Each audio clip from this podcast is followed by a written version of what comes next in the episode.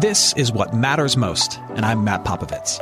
Look, life is crazier than ever, and lots of people, maybe even you, are feeling anxious and overwhelmed. Today's message is designed to help you figure out what's most important and to experience the peace and joy that God intends for you. Because life is a gift, and it shouldn't be wasted on worry. I'd like to give you a resource, something to help you navigate the road ahead. Just go to mattpopovits.com, click on the icon, and we'll send it to you. That's Matt, P-O-P-O-V-I-T-S dot com. And hey, if you happen to live in the Houston area, I'd love to see you on a Sunday morning at St. Mark in Spring Branch. Head to stmarkhouston.org to plan your visit. Here's today's message. Thanks for listening. Whose approval are you hungry for? Who are you hoping will look at you and whisper to you, Well done? And then let's go a little deeper. How does that need for approval shape the work that you do? Because whether you recognize it or not, your need for approval shapes your work. It, it could be that, that when you know your mom's going to come to visit, that you clean the house rigorously, vigorously, even though it's already clean and your family reminds you of that. Or it could be that when your boss asks something of you, you, you work you work more overtime than anybody else because you not only want to, your boss to say that you did it right, you want your boss to say that you did it best. How does your need for approval influence the work that you do and the way you live your life? Wrestle with that. Take those questions, put them in your back pocket, and now jump with me to the Gospel of John, chapter 6. In the Gospel of John, chapter 6, Jesus is being chased after by a bunch of really, really hungry people. He's being chased after by hungry people because Jesus has just performed this miracle where, quite literally, he fed a bunch of people. He took a, a couple loaves of bread and he, he multiplied it miraculously and he fed a bunch of people. And now, because they'd seen him multiply this bread, this crowd is chasing after Jesus, and Jesus is trying to escape to get some quiet time to himself. And the reason they're chasing after Jesus is it's quite simple. In, in the first century, uh, for Jewish people, bread was not just bread. It was way more than carbs. It was a cultural symbol of everything that God provides. Bread was symbolic of everything you need on a day to day basis to be okay. Think about what you need on a, on a typical Tuesday afternoon to be okay. Uh, you, you need your technology to work. You need some food in your stomach. You need your kids to not be cranky. You need, you need your boss to be satisfied with you. you. You need a lot of things in order to be okay. That is your daily bread, so to speak. And so when this crowd saw Jesus multiply bread, they knew that it was a symbol for something bigger. And they said, this is not just a man who can feed us miraculously. He's not just some, some magical baker. No, he is a need meter. Whatever tangible need we have, we can get from him. And so they chase after him. They catch up to Jesus, and this is what happens in John chapter 6, starting at verse 25. We'll start at verse 25. When they found him on the, found him on the other side of the sea, so Jesus is hiding. He's like, I want nothing to do with this. They said to him, Rabbi, when did you come here? And Jesus answered them, Truly, truly, I say to you, you are seeking me not because you saw signs but because you ate your fill of the loaves. Now, here's the really important phrase. He says, Do not work, do not labor for, do not chase after the food that perishes. So, so Jesus is really kind of calling them out. He's saying, You're chasing me because you know that I can meet your tangible needs, and you think that that's the sum total of what I'm here for. You think I'm here to fill your belly. You think I'm here to get you a better job. You think I'm here to find you the perfect wife and to make sure your kids don't turn out like crazy people. Well, too late for that. I'm not here merely for those things. If you chase after me for just those things, you are chasing after food that perishes. It's going to spoil on you. It's going to go bad on you. It's going to be of no use to you. It does not last. Now, here's the reason I tell that story in the midst of this conversation. Because the approval and the applause of other people falls into the category of fleeting and perishable food. It's not a bad thing to earn the applause of your boss the praise of your peers, or the well done of your dad. It is not a bad thing at all. But if you chase that as the ultimate thing, in the end, it will fail you. It will not be enough for you. you will look at your hands and it will have spoiled on you. It will have perished for you. and it will disappoint you. It's not food that lasts. It's empty calories, so to speak. Now, you might be pressing against this idea in your own heart and mind and saying, Matt, I'm not sure if I believe you. What's wrong with wanting the approval of the people around me or the authorities above me as, as kind of my ultimate driving force in life? I like how it feels to have the approval of other people. Why can't this be the number one thing for me?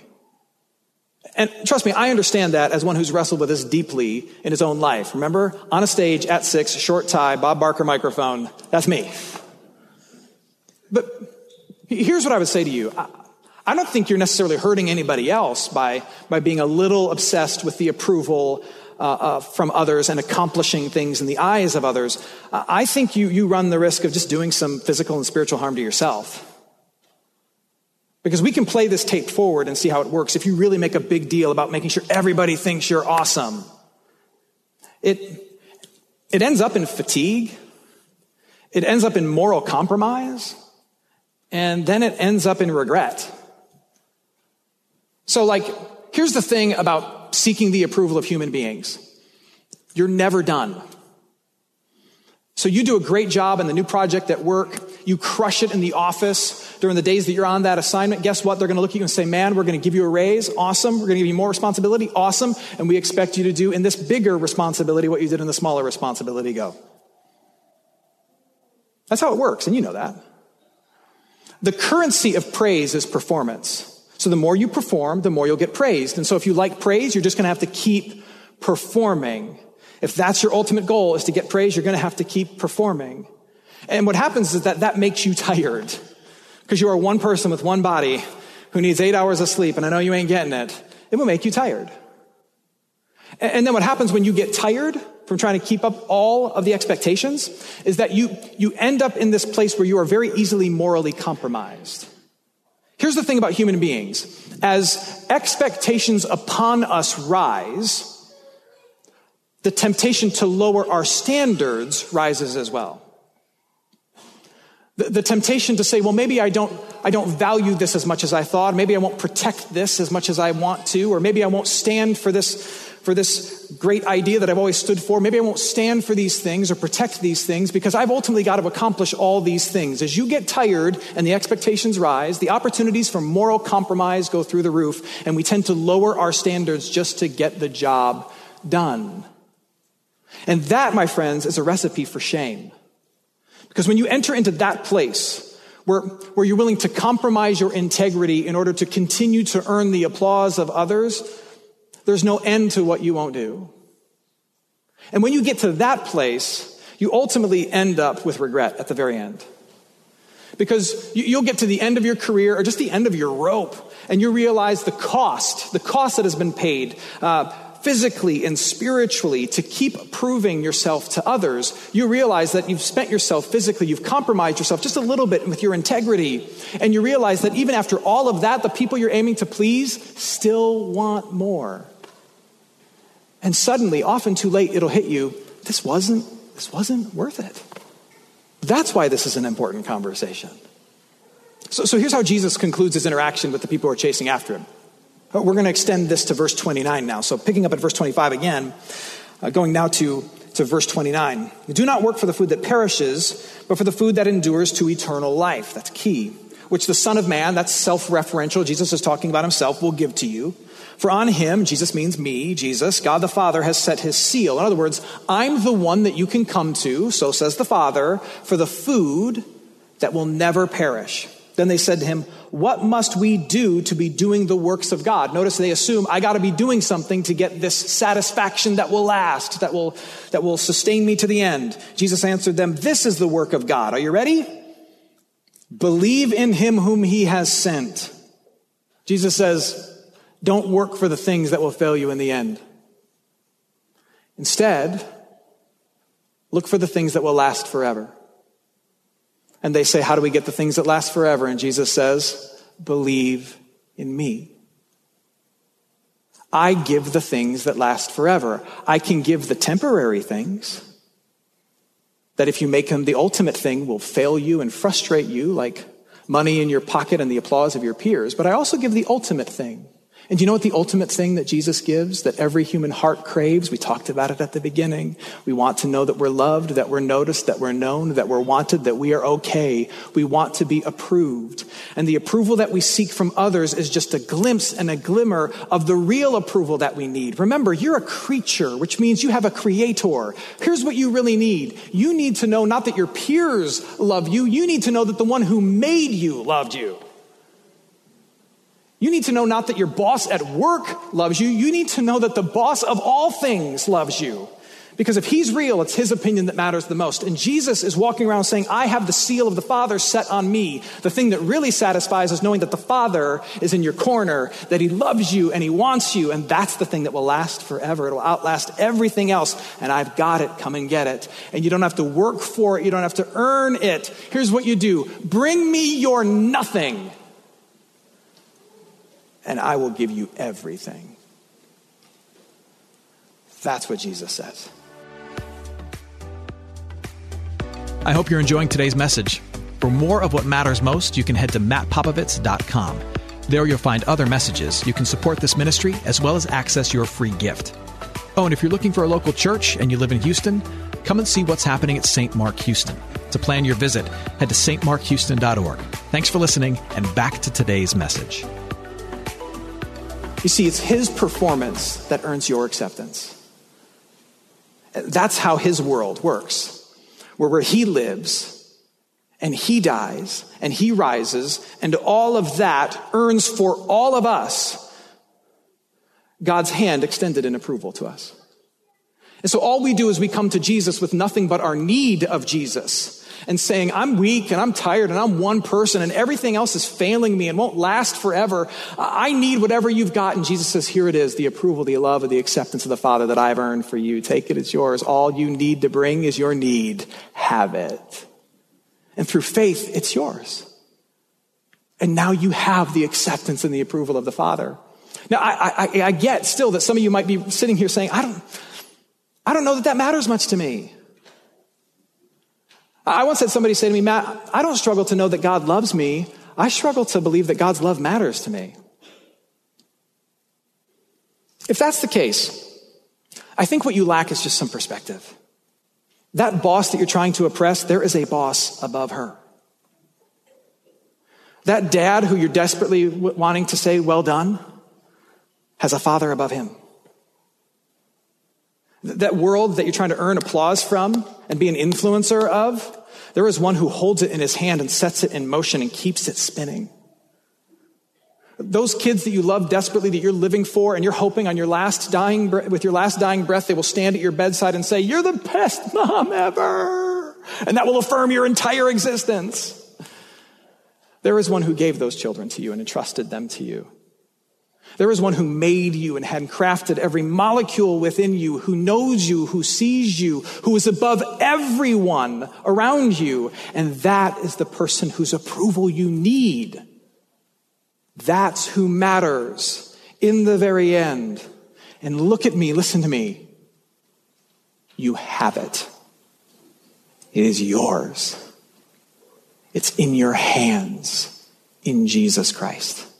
Now, if you're anything like me, you struggle, even as a lifelong Christian, to, uh, to appreciate that gift that you have. Here's how I work I, I tend to only appreciate the things that I have when I've been burned by the things that I want. After chasing after things that I think I need and getting burned by it, then I believe and I come to my senses that I already have everything I need. And the same is true with my faith, even as a lifelong follower of Jesus. It's not as though I'm walking around saying, I'm approved by the Father and that's all that matters. Now, here's what happens for me I rest in that truth that I have the divine favor of God, and then I walk out of here and I get sidetracked and I seek this person's approval and that person's applause, and I get really tired and I compromise myself and I have a whole bunch of regret. And then I have to come back to this truth that I'm approved by God despite my failures and he builds me back up and puts me back on that foundation. And i go out and for a couple days i'm good. And then i seek that person's approval and i compromise myself for that person. And then i have a whole bunch of regret here. And then i come back to jesus and he says you're enough. You're complete You're approved in me. And, and I go through that cycle back and forth. And what I believe is that over the course of time, through that journey, God is maturing me and changing me and slowly but surely putting my feet more firmly in the truth that I already have the approval of God. And He makes my wanderings a little less dangerous and a little less frequent. That's how this works. This is not a switch that you flip where you flip the switch and all of a sudden you are standing confident in the approval of others and you don't need anybody else's applause. That's not how this works. It's a road that you walk where you wander off onto unsatisfying trails. Where you chase after the applause and approval of others that really ultimately gets you nowhere if you try to make it the most important thing in your life, and you have to be called back. Here's, here's how I get called back. Uh, there, there, are three things in my life that, that call me back to the truth that I'm already approved in God and the approval that matters most. The three things are this. When I'm, when I'm inordinately focused on the approval of other people, I know that it's time for me, it's time for me to go home and it's time for me to go to church and it's time for me to play a game with my kids. Go home in that there are people in your life who don't need you to do anything but just be what you already are to them. You're the only one who can be dad. You're the only one who can be mom. You're the only one who can be son, who can be daughter, who can be best friend from college. You're the only one who can do that. And when you show up to that table, there's no expectation, there's no performance other than your presence. Go to the places where they don't need anything from you other than you. Let that ground you. Because the other places, they will shed a tear for you when you die and then they'll start taking resumes. And then you need to go to church, meaning you have to come back to the place where you hear that you are already approved by the only one who matters through the work of Jesus Christ. And let that arrest you out of your drunken delusion that the approval of your boss is the most important thing in the world and remind you that you already have the approval of his boss's boss's boss through Jesus Christ. And then lastly, you need to play a game with your kids. I, I firmly believe this, that, that playing Candyland with your kids provides powerful perspective. Here, here's why because you can sit at the table and you can play Candyland with people that you love, and, and you, you can win the game. You can crush it. You, you can draw the ice cream cone early and, and, and go all the way to the end. And you can be like, you can be like, kids, I won. And everybody can applaud you. And you can throw the cards up in the air and have a party. But then guess what? The game is over. You won. You got everybody's applause. But guess what? The game is over at that point. And what happens when the game is over? It all goes back in the box. All of it. The pieces, the cards, the path, all of it goes back in the box and gets put away, and you're just left with yourself and the people that matter the most to you. And if you let it, it will remind you of this that this whole game, not to diminish it or minimize it, but this, this whole thing that we're up to right now, with, with the 78.8 years that we've got on this planet, this whole thing that we're up to right now, it matters, but it doesn't matter the most. And, and in the very end, you may win, you may get the approval of everybody, but guess what's going to happen at the very end? It is all going to go back in the box. All of it. And you will be left with one relationship that matters most at that table, and it will be this one. That's it. And the people who get the most out of the game, they put it into that perspective. Back in the box. Uh, I'll close with this story. I know we're running late, but it's a good story. Many years ago, back when Russia had emperors, uh, there was this emperor, a, a, czar, what they called him, and uh, he had a good friend who was dying. This good friend of the emperor entrusted his son to the emperor, so that once the friend died, the emperor adopted this man's son as his own, raised him from an early age, clothed him, fed him, cared for him, and then when the time came, he gave him a prestigious job in the Russian military, made him basically the accountant over the entire military apparatus. Uh, this young man, however, though loved by the emperor and accepted as his own, had some demons he was wrestling with. He got deep into gambling, and his gambling debts became so bad that he started to embezzle funds from the Russian military in order to cover his gambling debts. But it got to a point where he could no longer embezzle enough money to cover his debts without his deeds being discovered. And so one night, sitting at his desk with the, the ledgers open, he decided to take his own life. With a pistol on the desk next to him, he realized he needed some courage. So he started to drink. And he drank so much that he passed out. passed out on top of the ledger with the pistol next to him. And then in walked the emperor. See, the emperor, the czar, at this particular point in history, and this is, this is true, um, had, this, had this habit of, of spying on his own people, because after all, Russia. had this habit of spying on his people. He would, he would go in disguise as a commoner and, and mix and mingle among the common people to, to find out what they thought of him and try and discover the lives they were really living and the things they really thought and felt on a day-to-day, uh, on a day-to-day level. And on this particular day, he was in disguise, spying on his people, and he thought he would drop in on his adopted son. And so he, he walks into his office and he finds his adopted son sprawled out on the desk, passed out, with the ledger open and a pistol next to him. And it doesn't take a rocket scientist to figure out what's happening there. He walks over, he looks at the ledger, and he realizes everything that's gone on. And so the czar, he, he grabs a piece of paper and he starts to tally up all the debts. And he writes the total on the piece of paper, and then he writes a note and he takes some candle wax and he pours it on the piece of paper and he takes his signet ring that only the emperor had and he presses it into the wax so that no one would ever be able to doubt that it was actually the emperor who was there because it's his ring impressed into the note. And then he left.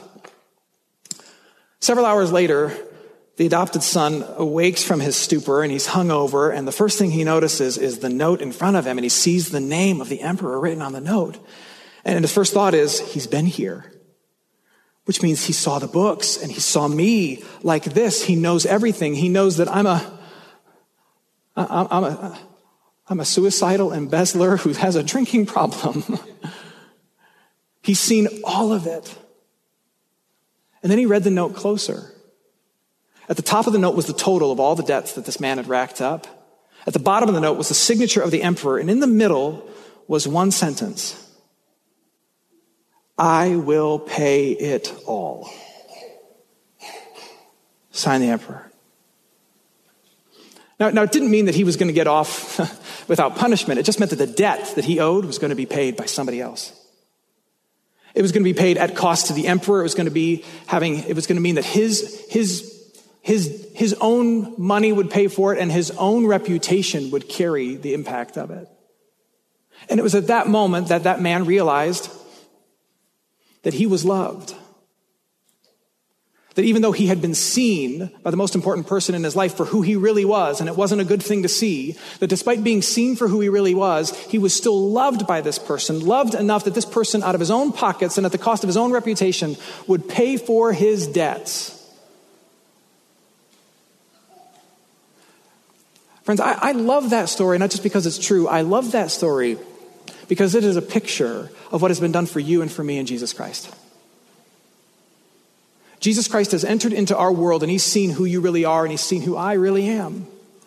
And despite seeing us in all of our dysfunction, he has, at great cost to himself, he has, he has done what it has taken to pay all of our debts and to sign his name to all of our problems so that we can still know that we are loved, we are accepted, we are a part of the Father's family. We've been adopted into his kingdom and not rejected because of who we are and what we've done. We belong even though we are a mess. That's the approval and the acceptance that you have through Jesus Christ. And my hope for you is that that truth would carry you through the work that you do and shape the way in which you do your work. That when you are hungry for the approval of something that won't satisfy, that you be able to t- return to the truth, that you have the approval that matters most. That you don't have to be quite so tired, so take a break. And that you don't have to compromise the things you believe in, so step back. And that you don't have to live with quite so much regret, so ask for forgiveness and God will grant it. Because the love that you're looking for from your boss and your kids and your coworkers, you already have in hand in Jesus Christ. Hey, it's Matt. I hope you enjoyed what matters most. Here's what I need you to know life is a gift, and it shouldn't be wasted on worry. I want to help you figure out what's most important and to experience the peace and joy that God intends for you. So for more content, you can head to mattpopovits.com. That's Matt, P-O-P-O-V-I-T-S.com. There you can also support this ministry, as well as access your free resource, a little something to help you navigate the road ahead. I'd also love to see you on a Sunday morning.